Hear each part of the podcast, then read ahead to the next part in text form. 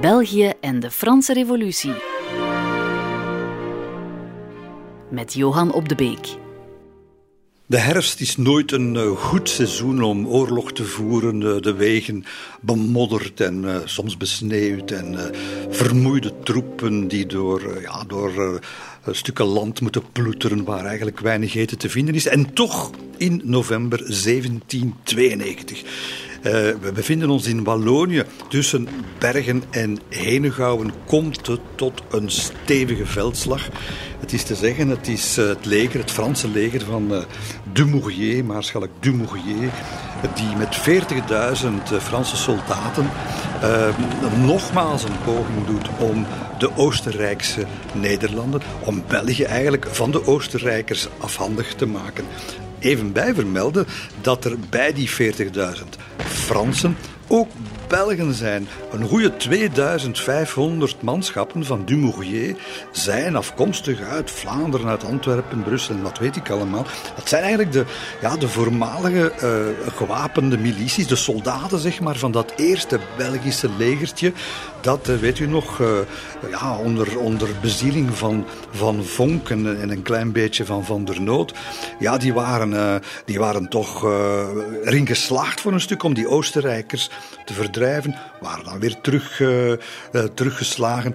Maar die geven het niet op. Ook in, in Parijs, waar ze nu bijna allemaal zitten, de, de vonkisten, de, de zogenaamde democratische strekking. Je hebt daar uh, mensen als een Walkiers, een, een, een, bankier en nog andere, meestal toch nogal handelsgezinde of zelfs handelaars, die daarbij zijn. Maar dus ook die, die, gewone, die gewone mensen. En ongetraind, uh, slecht bewapend, onervaren, maar wel natuurlijk met het gelijk aan hun kant, zo denken ze toch, want zij strijden voor vrijheid en gelijkheid en ze gaan partij moeten geven aan een, een, uh, een, een wat kleiner uh, Oostenrijks leger onder leiding van een professional, de, de hertog van Sachsen-Teschen, met veel oorlogservaring. En ze botsen op elkaar daartussen Bergen en Henegouwen met posities zo in Carignan en vooral Gemap. En Gemap wordt dan ook de naam van de slag, de slag die daar gestreden uh, wordt, uh, zo in het midden van november 1792. En de Fransen gaan, gaan die winnen. De Fransen tegen alle verwachtingen in, uh, maar dat Oostenrijkse leger, de top, kan nog grotendeels ontsnappen. Maar ze gaan, ze, gaan, ze gaan winnen, ze gaan ze uit het veld slaan en ze rukken verder op naar Brussel. Als je Brussel hebt, ja, dan heb je de Nederlanden, de Oostenrijkse Nederlanden. En uh, ja, de Franse voorhoede die krijgt het moeilijk in Sint-Pieters-Leeuw. Maar als dan Dumouriez uiteindelijk zelf met, uh, met, zijn, met zijn hoofdmacht eigenlijk verschijnt nabij Brussel, dan moeten de Oostenrijkers vluchten. Er komt nog, ja, in Anderlecht komt het nog tot een, tot een stevig artillerieduel. Zes uur lang schieten ze op elkaar.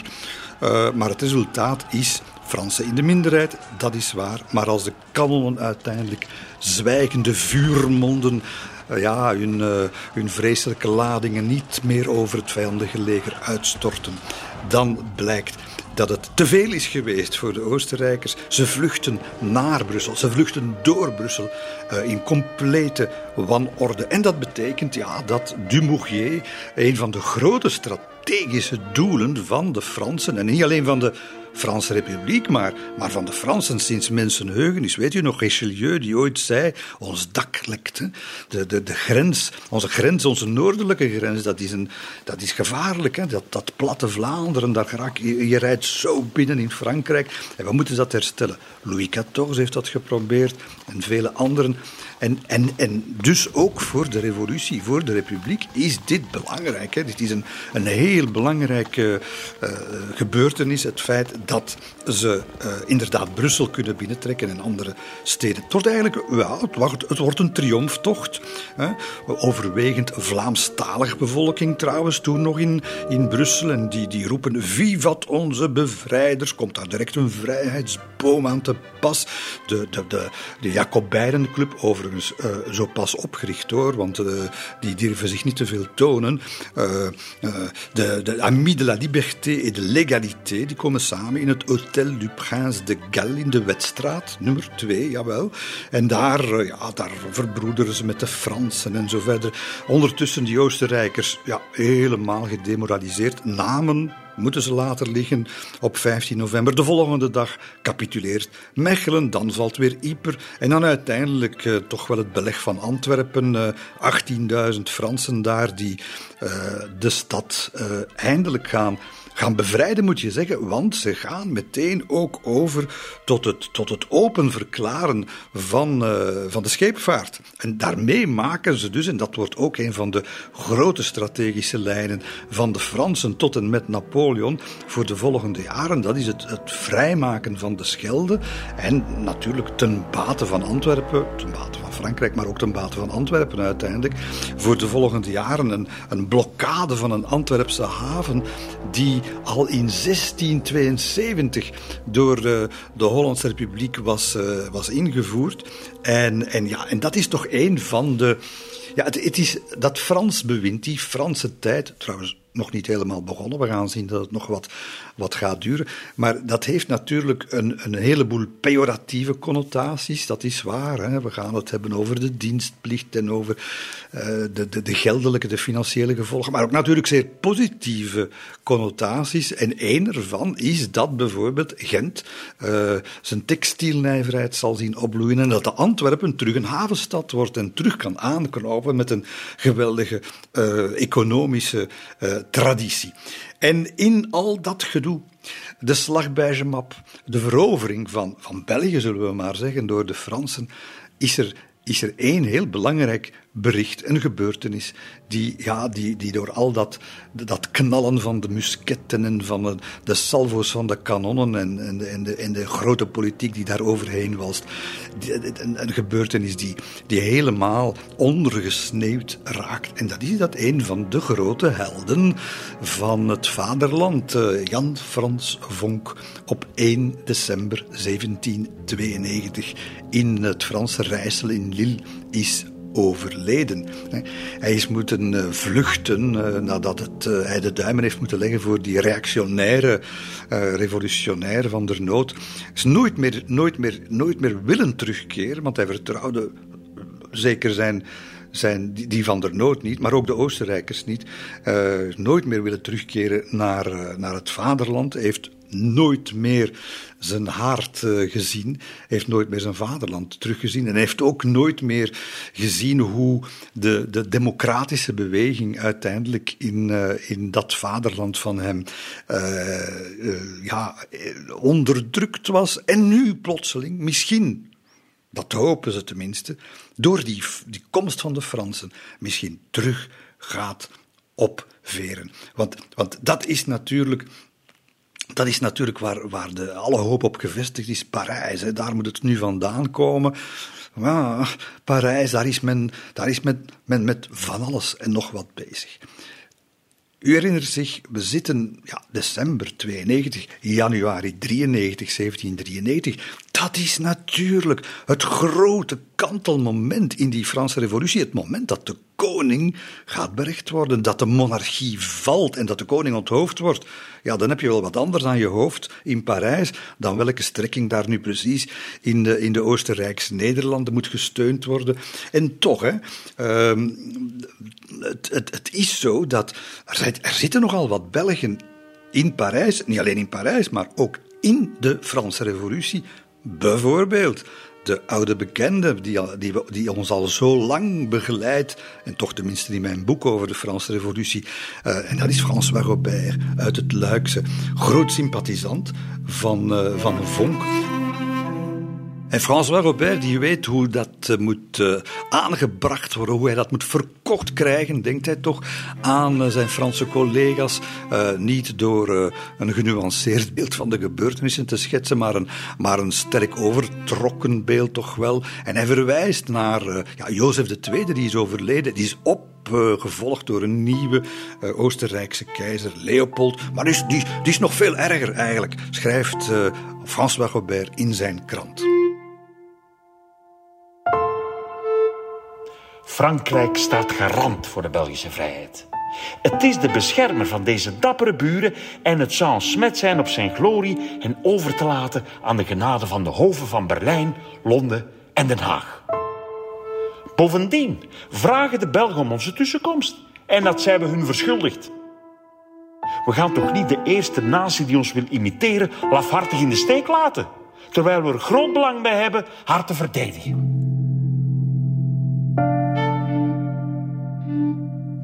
Maar nu, eh, de Fransen zijn althans tijdelijk uh, baas in uh, wat we maar België zullen noemen. En dan komt de vraag: hoe gaan we nu om met dat veroverde land? En dan zie je die splitsing. Eh, ja, splitsing. Er zijn, er zijn altijd splitsingen in de Franse Revolutie, maar zeker ook naar het buitenland toe. En zeker ook naar dat strategische, belangrijke België toe. Wat, wat gaan we ermee doen?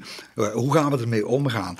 De ene fractie ziet veel in, in annexatie, uh, dus gewoon aanhechting bij Frankrijk. De anderen zien dat meer als een wingewest, uh, nog anderen als een soort van bufferstaat. En wie daarbij is, dat is niet onbelangrijk, dat is de man die het allemaal veroverd heeft, dat is Dumouriez. En die ziet die bevrijde Belgische provincies, zoals hij dat noemt, samen met Luik, dat ziet uh, Dumouriez als een soort van nieuwe federatie. Een, eh, een, met een eigen grondwet zelfs. Een beetje naar Frans uh, republikeins model. Maar het feit alleen al dat hij dat, dat, hij dat propageert, doet al de wenkbrauwen fronsen in Parijs. Is die Dumouriez misschien van plan om daar zelf staatshoofd te maken? Een snoodplan dat uh, bij de klik rond uh, Robespierre bijvoorbeeld en rond Danton al direct in slechte aarde valt. Vergeet niet, we zitten nog altijd in volle politieke oorlog tussen de Girondijnse meerderheid in Parijs en de ja, de Jacobijnse minderheid van uh, Robespierre en Danton, die elkaar ja, naar het leven zullen staan. Dus dat is daar. En, en België maakt deel uit van die discussie. Dus het is, het is op vele fronten zo dat uh, ons land een, een grote rol gespeeld heeft en aan het spelen is in, in, in, in het verloop van die Franse revolutie. En dus uh, wordt het een pays conquis, wordt het dus een, een uh, veroverd gebied, of wordt het deel van de republiek? En het is Danton die op 31 januari, we zijn eigenlijk uh, twee weken na de dood van de Franse koning, na de executie, op 31 januari 1793 gaat hij gaat aangeven waar het volgens hem naartoe moet. Het is niet alleen in mijn naam, maar in naam van de Belgische staatsburgers dat ik hier een oproep doe om België met Frankrijk te herenigen. Ik vraag niet om uw enthousiasme, ik doe enkel beroep op uw reden. Want het zijn de belangen van de Franse Republiek die ik voor ogen heb. Hadden jullie deze hereniging niet in het achterhoofd wanneer jullie een voorlopige herinrichting van België afkondigden? Het was reeds een voldongen feit toen jullie zeiden tegen de vrienden van de vrijheid: organiseer jullie naar ons voorbeeld. Dat is hetzelfde als hun zeggen: wij zijn akkoord met een hereniging. Welnu, vandaag is het zover. Zij stellen een hereniging voor. De grenzen van Frankrijk zijn door de natuur vastgelegd. Wij vinden ze in hun vier uitersten: de oceaan, de Rijn, de Alpen en de Pyreneeën.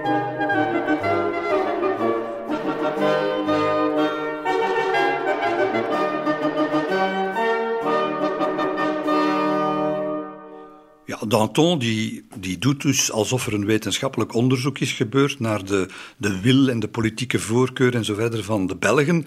Uh, nonsens, uh, hij wil gewoon annexeren. En dat staat haaks op wat Dumouriez, die ter plekke is in het land, wat die wil. Want Dumouriez die is al volop bezig met het organiseren van zijn ding, van, die, van, die, van dat nieuwe land. Hij, uh, heeft een, hij heeft verkiezingen in het vooruitzicht gesteld voor een Belgische nationale conventie, alstublieft, we gaan al meteen onafhankelijk worden.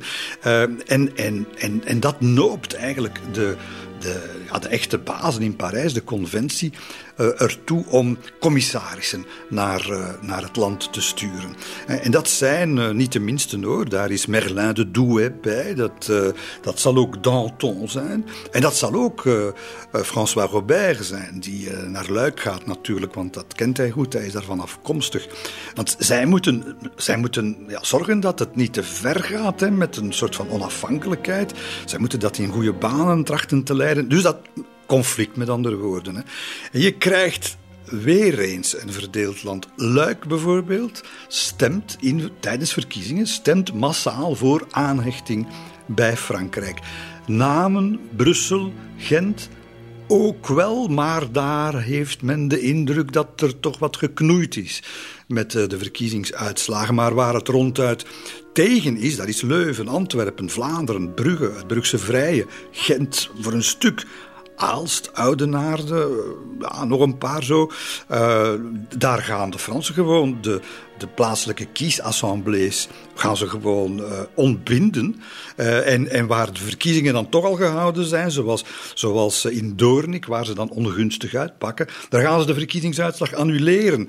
Ja, uiteraard, een recept om kwaad bloed te zetten is dit. Hè? dus je, je krijgt, ja, je krijgt tussen 1 en 11 maart hè, in, in 93, 1793, zullen 26 steden en 346 gemeenten officieel worden uh, herenigd, alsof we ooit één zijn geweest, maar ze worden herenigd met de Franse Republiek. En het heeft er natuurlijk allemaal mee te maken dat verdeeldheid aan de, aan de orde van de dag is. Hè. Zoals ze al verdeeld waren, de bevolking hier tussen de vonkisten en de, en de statisten van Van der Noot, hè, de reactionairen, degenen die naar de nieuwe samenleving willen. Wel, het is nog altijd zo. En je hebt uh, in, in allerlei steden, uh, overal eigenlijk, hè, zeker in de grote steden, heb je uh, Jacobijnenclubs, die natuurlijk helemaal gewonnen zijn voor het Franse model. Maar je hebt ook de totaal tegenovergestelde kant. De, de reactionaire geestelijkheid, zoals een Feller bijvoorbeeld, hè, die, die het heeft over een pouvoir tyranniek. Daar heeft hij niet helemaal ongelijk in. Maar wat hij ook vooral zegt is: uh, we, we, zijn niet tegen de Fransen hoor, we hebben niks tegen de Fransen, maar wel tegen, en ik citeer, les principes démocratiques de la République Françoise, Française, Françoise zijn we in die tijd. Ze zijn gewoon tegen de democratie. Hè? Uh, het Sint-Rombouts-kapitel van, van de kathedraal van Mechelen. Uh, protestbrieven, hè? Dat, uh, ja, dat de macht van de kerk en, en allemaal niet helemaal onterecht hoor, want er wordt ook ingebroken in die kathedraal. Er worden kerkelijke schatten meegenomen, maar aan de basis ervan ligt een, een, een, een afkeer voor dat Franse gedachtengoed bij geestelijkheid en, en ongeschoolde bevolking. En juist een voorkeur voor dat Franse gedachtegoed eh, bij het geschoolde en het geletterde deel van de bevolking. Gent bijvoorbeeld is dat heel duidelijk, in Mons ook. Daar raakt het, het oude vonkisme helemaal vermengd met het Jacobijnse. Maar eh, ga je wat lager op de sociale ladder staan, dan zie je dat de mensen luisteren naar de pastoors. Want ze kunnen niet lezen en schrijven. Zie, en, en dus dat maakt allemaal dat het één een kolkende brijs, een, een hersenpap. Je geraakt er niet meer aan, aan uit. Als, als, als mensen te horen krijgen. Ja, maar die, die Franse revolutionairen die zeggen dat alle mensen gelijk zijn. Ja, dat betekent dus dat gelovigen gelijk zijn aan hun pastoor. Veller zegt dat. Hè? En de pastoor herhaalt dat natuurlijk in zijn preken. Ja, en de mensen zeggen, nee, dat is niet waar. Wij zijn niet gelijk aan de pastoren. En al helemaal niet aan, uh, aan de vorsten. Hè. Ketterij, apostasie, atheïsme, libertijnen, de gezworen vijanden van Jezus Christus. Daar gaat het uiteindelijk om. En dat maakt dat je daar... Dat, dat weerspiegelt zich in die, in die verschillende politieke attituden in de verschillende gemeenten en steden.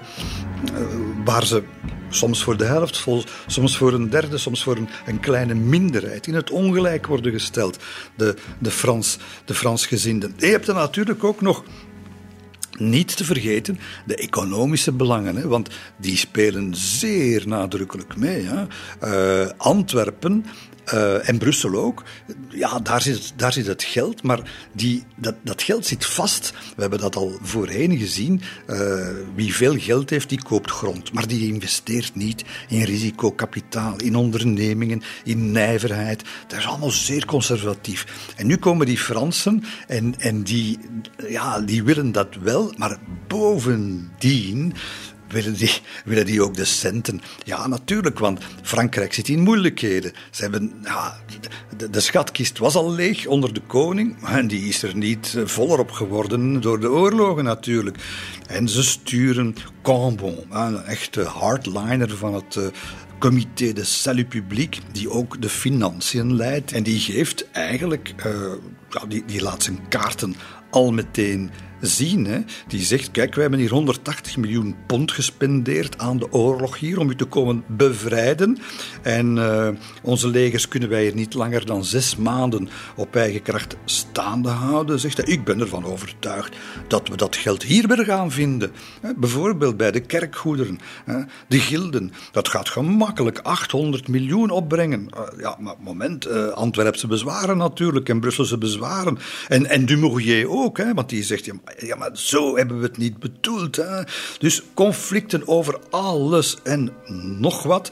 Uh, en ja, dan, uh, dan kijken die Fransen eigenaardig genoeg onthutst op en verrast op. Uh, van de tegenstand die ze, die ze krijgen. Ja, ze hadden het beter moeten weten. Want zelfs een, ja, de, de meest, de meest ja, hardnekkige Jacobijn, zullen we maar noemen. De man die, die in Frankrijk, in Parijs, de macht stilletjes naar zich aan het toetrekken is, die het terreurbewind uh, aan het voorbereiden is. Robespierre, wel, Robespierre is natuurlijk niet knettergek. Hè? Die, heeft, die, had, die had al gewaarschuwd daarvoor. Robespierre die zegt, we moeten toch een beetje opletten daar in België. Hè? We moeten een andere taal spreken in landen waar het bijgeloof opgang heeft gemaakt en de macht van de priesters op zijn sterkst is, zegt Robespierre. Dus we, moeten ja, alles doen om deze ongelukkigen het licht te doen zien, maar met mate.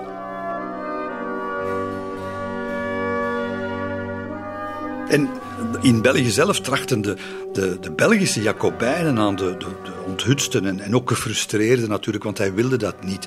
Uh, Maarschalk Dumouriez uitleggen. Ja, maar we, we, hebben hier te maken met achterlijkheid, met vooroordelen, met desinformatie door, door de staten, hè, door de staten van Brabant, die natuurlijk alleen maar hun eigen privileges willen beschermen, door de kerk, door de leugens ook van de Franse geëmigreerde adel. Uh, en, en, niet te vergeten door allerlei spionnen, hè, die daar Britten en, en Habsburgers, die het, het, verzet tegen de Fransen natuurlijk aanvuren. En, en, en, en, en zeggen, je moet volhouden, hè, je, moet, je moet blijven volhouden. En ze nemen dan ook, uh, ja, ze nemen niet alleen slechte maatregelen, zoals uh, ja, het leegschudden van het land, maar ze nemen ook goede maatregelen. Eén ervan is toch wel voor, voor Vlamingen niet onbelangrijk, om niet te zeggen zeer belangrijk. dat is dat op 11 maart 1793 gezegd wordt, kijk, de Belgische Jacobijnen, die mogen zich eigenlijk alleen nog bezighouden, niet meer met, met, met echte politiek, maar met het onderwijzen van de republikeinse principes, hè, dus met beleid niet meer. Maar bovendien, en dat komt van Dumouriez, bovendien gaat uh, de, de officiële taal waarin hij zich uitdrukt, gaat niet meer alleen het Frans zijn. Het zal ook overal, in elke stad waar zijn uh, verordeningen hè, worden gepubliceerd, zal het ook in het Nederlands worden uitge, uitgedrukt. Ja, dat, dat hebben we natuurlijk al een hele tijd. Uh, dat hebben we misschien nog nooit gezien. Hè? Dus, en dat gaat ook onder Napoleon heel nadrukkelijk uh, het geval zijn later. Men zal, uh, men zal zich heel goed bewust zijn van het feit dat, ja, dat er een, een groeiend deel van de bevolking, uh, van die ongeletterde Vlaamse bevolking, dat die ja, leert lezen en schrijven en zonder dat daar echt al sprake is van een emancipatiebeweging, maar dat, dat je daar beter rekening mee houdt, kortom. En, en, en daar, ja, een, een als Bonaparte, en dat was Dumouriez ook, die hebben daar rekening mee gehouden. Ze, ze moesten de bevolking meer aan hun kant krijgen. Ze, ze, waren zich ook heel goed bewust van het feit dat dat een gevoelig punt was toen al, zonder dat dat al een, een, soort van grootscheepse emancipatiebeweging was. En, en je wil duidelijk maken van kijk, we zijn hier voor u, voor iedereen en we willen dat u ons begrijpt. Dit is uh, niet voor de mooie ogen van de bevolking, maar dat is, dit is staatsmanskunde. Het Frans was niet te vergeten in grote delen van West-Europa de voertaal. De diplomatieke taal was het Frans. Als de Britten zich richten tot de Duitsers, dan was dat meestal niet in het Engels, maar in het Frans. Eh, en dus de, ja, alles wat geletterd en geschoold was in, in België was, uh, was Franstalig. Uh, was Franstalig eh, en een Nederlandse taal bestond ook niet. Er bestonden dialecten, het Gent en het Antwerps en wat weet ik allemaal. En er begon zo wat een algemeen soort Nederlands te ontstaan, maar dat zou nog heel lang duren. En, en, er is natuurlijk wel in de geschreven taal de mogelijkheid om je uit te drukken en om, om het idee van wat je wil als Frans bewind. Hè, omdat in de de zogezegde streektaal neer te schrijven. Het is een bewijs van goodwill en van het niet, uh, het niet verkeerd inschatten van de bevolking die je moet leiden. België en de Franse Revolutie.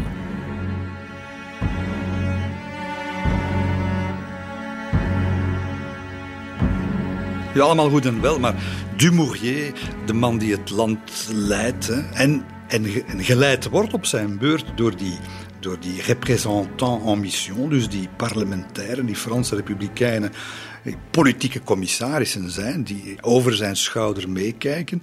Ja, dat botert niet. Bovendien klaagt hij ook voortdurend. Te weinig bevoorrading, zijn troepen altijd maar minder en minder gedisciplineerd.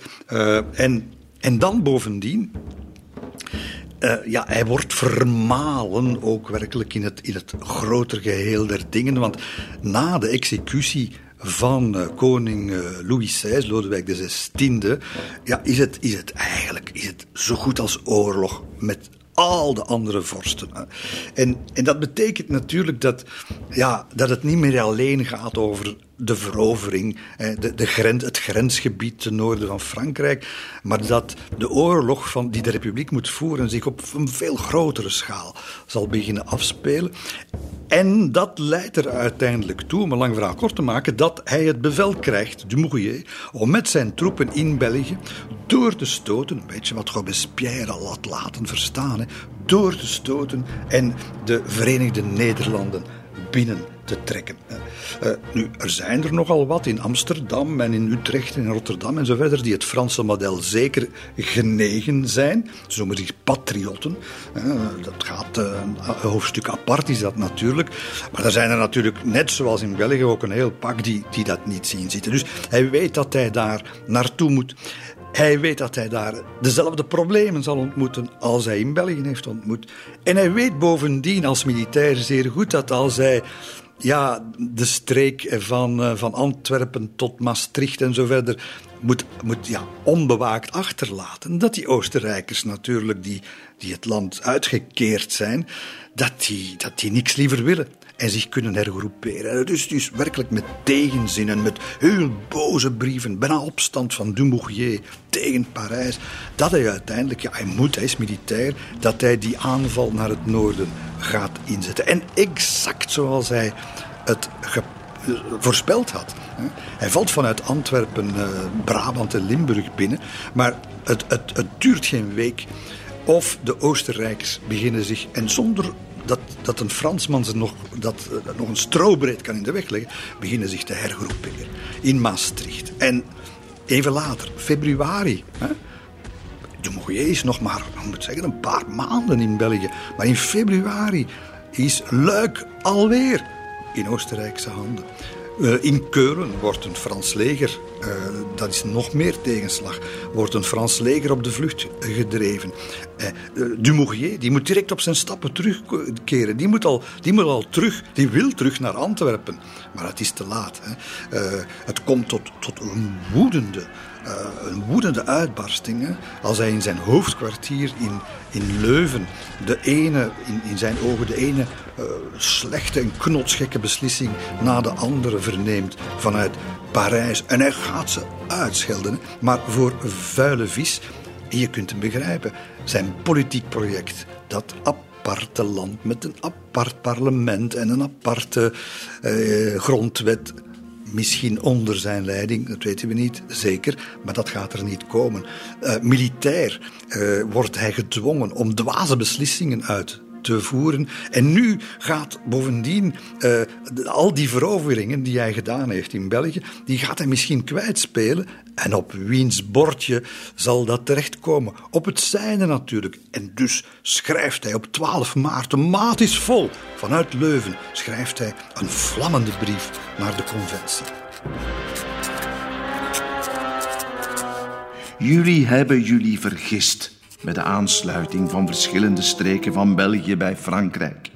Jullie zijn er gewillig ingetuind, omdat men jullie voorgelogen heeft.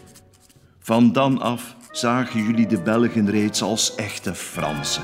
Maar zelfs al zouden zij dat zijn geweest, dan hadden jullie nog moeten wachten om hun wereldlijke en kerkelijke rijkdommen in beslag te nemen.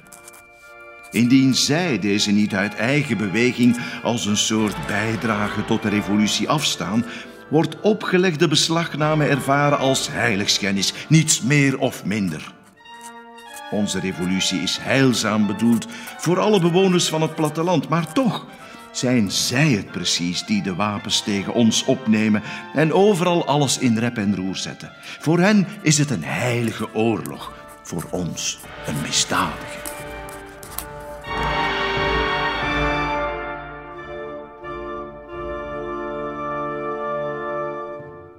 Als je zo'n brief schrijft naar de politieke overheid in Parijs, waar men al uh, ja, alles op het scherp van de snee beoordeelt, ja, dan weet je dat het tot een breuk zal komen. En, en het laatste wat je dan als militair bevelhebber kan gebruiken, is een militaire nederlaag. Wel, het is exact dat wat hem gaat overkomen. En het zal gebeuren bij Tienen uh, op 18 maart 1793. Daar moet Dumouriez die nieuwe Oostenrijkse opmars kunnen stuiten. Hij kent dat slagveld daar bovendien. De Fransen kennen dat goed, want het is nog maar een eeuw geleden zeg, dat de troepen van de zonnekoning op datzelfde terrein hè, een, een, een nogal glorieuze overwinning hebben behaald op op een coalitieleger van Engelsen, Hollanders en Spanjaarden. En, en, en daar ten oosten van Tienen en ten noorden van Landen, een beetje de, de weg van Tienen naar Sint-Truiden, zullen we maar gemakshalve zeggen, daar ligt het, het gehucht Neerwinden. En dat wordt natuurlijk de naamgeving van de, de, van de slag die daar zal plaatsvinden. Dumouriez gaat daar het onderspit delven, deel van zijn leger, moet zich overgeven. De rest verspreidt zich over de nog eh, in eh, Franse handen zijnde eh, Belgische provincies. En, en het, het, is eigenlijk, het is eigenlijk voorbij. Een dag nadat de kruiddampen boven Neerwinden zijn weggetrokken, komt uh, bijvoorbeeld, hè, om maar een voorbeeld te geven van de chaos waarin het land zich bevindt, komt uh, onze vriend uh, François Robert, die komt in Brussel aan om zich daar een beetje in zijn nieuwe taak van politiek commissaris in, in België in te werken. Ja, maar dat is, dat is één, één pandemonium. het eerste wat hij moet doen, is een, is een bevel tekenen dat de verraders, daarmee wordt bedoeld deserteurs uit het leger, uit het Franse leger, dat die, dat die tegen de muur zullen worden gezet. En dus, dus, hij komt daar om te hervormen, maar hij moet, hij moet al meteen constateren dat er niks meer te hervormen valt, want het land dat hij moet hervormen is al niet meer in Franse handen. De hele regio glipt helemaal uit hun handen. En dus opnieuw, het is de tweede keer uh, op een paar jaar tijd dat de Fransen proberen België in te lijven. En het mislukt opnieuw. Prinsbisdom Luik wordt terug in, uh, in de oude staat uh, hersteld, revolutionair, worden er gewoon koudweg ont hoofd. En ja, dit is, dit is voor, voor Dumouriez, voor vele Jacobijnen natuurlijk ook, hè, Belgische Jacobijnen, is dat een complete domper op de hoop die ze hadden gesteld. Ah, het gaat ook bij ons gebeuren, ook bij ons gaat de moderne samenleving eindelijk kunnen van start gaan. Maar, maar de man die we nu in het oog moeten houden is uiteraard een militaire bevelhebber. Zeker als je dan weet dat op datzelfde moment door heren die uh, nog geen oorlog hebben gezien, maar die wel politieke oorlog voeren hè, tussen de Girondijnen en de Jacobijnen daar in Parijs, dat die maar uh, tegen elkaar oproepen hè, en dat die meteen beginnen te roepen: uh, we moeten wraak nemen. Hè, we moeten, dan zeggen Girondijnen dat ze, hoe je dan wraak moet nemen, niemand kan het vertellen. Bovendien krijg je nog meer slecht nieuws hè, in die conventie te verwerken. Want het is niet alleen natuurlijk in, in België dat het slecht gaat. Er zijn ook in Frankrijk grote opstanden aan de gang. Hè? Normandië, Bretagne, de streek van uh, Lyon, de streek van Bordeaux, de Poitou, noem maar op. Interne contra-revoluties. En het is in, in, in die context dat je natuurlijk moet, moet zien dat, dat zo'n Dumouriez, die al boos was en, en omgekeerd ook op de conventie, dat hij nu ja, eieren voor zijn geld gaat kiezen. Hè. Hij wordt namelijk teruggeroepen, en dat wil zeggen in republikeinse taal van 1793, dat wil zeggen eh, hij mag het komen uitleggen en hij zou wel eens best zijn hoofd daarna kunnen verliezen. En laster, zegt hij. En, uh, Danton gaat zich er nog mee bemoeien, maar doet een beetje alsof zijn, zijn neus bloedt. En, en, en daar sta je dan als Dumouriez een paar maanden geleden, de grote militaire held, maar nooit aanvaard door het volk dat hij kwam, tussen aanhalingstekens, bevrijden door de Belgen. Uh, hij leeft in complete ruzie met zijn bazen in Parijs. Hij is ook een van de velen die walgen van die, uh, van die razendsnelle radicalisering van de revolutie, waarin Robespierre steeds, steeds meer de, de, de hele republiek in angst in die schemerwereld van angst onderdompelt. Uh, en hij is verslagen op het slagveld. Wat zou u doen als u in zijn plaats was? Wel, ik zou waarschijnlijk hetzelfde doen. Hij neemt de biezen, want dat kan niet goed aflopen. Hij keert zijn leger de rug toe. Hij keert zijn land de rug toe. Hij deserteert, pleegt zelfs verraad. Ja, dat zouden we misschien niet allemaal doen, dat is waar. Maar dat is een klap voor Frankrijk. Want, vergeet niet, dit is de tweede grote militair, en echt grote militair, die dit doet. Wij hebben al Lafayette gehad, die is overgelopen naar de Oostenrijkers. En nu die Dumouriez, die, uh, die alles in de steek. Het is die, al, die afvalligheid van die grote uh, veldheer, dat is echt een militaire ramp. En natuurlijk ook een, een, een politieke katalysator voor de extremisten in Parijs. Een Maga bijvoorbeeld, die het al zo lang voorspeld heeft. Robespierre, die natuurlijk nu daar gebruik van maakt om tegen die grondijnen uit te varen en te zeggen: het is allemaal uw schuld. En ja. Uh, Maga zeg, die schrijft op een zeker moment ergens in januari.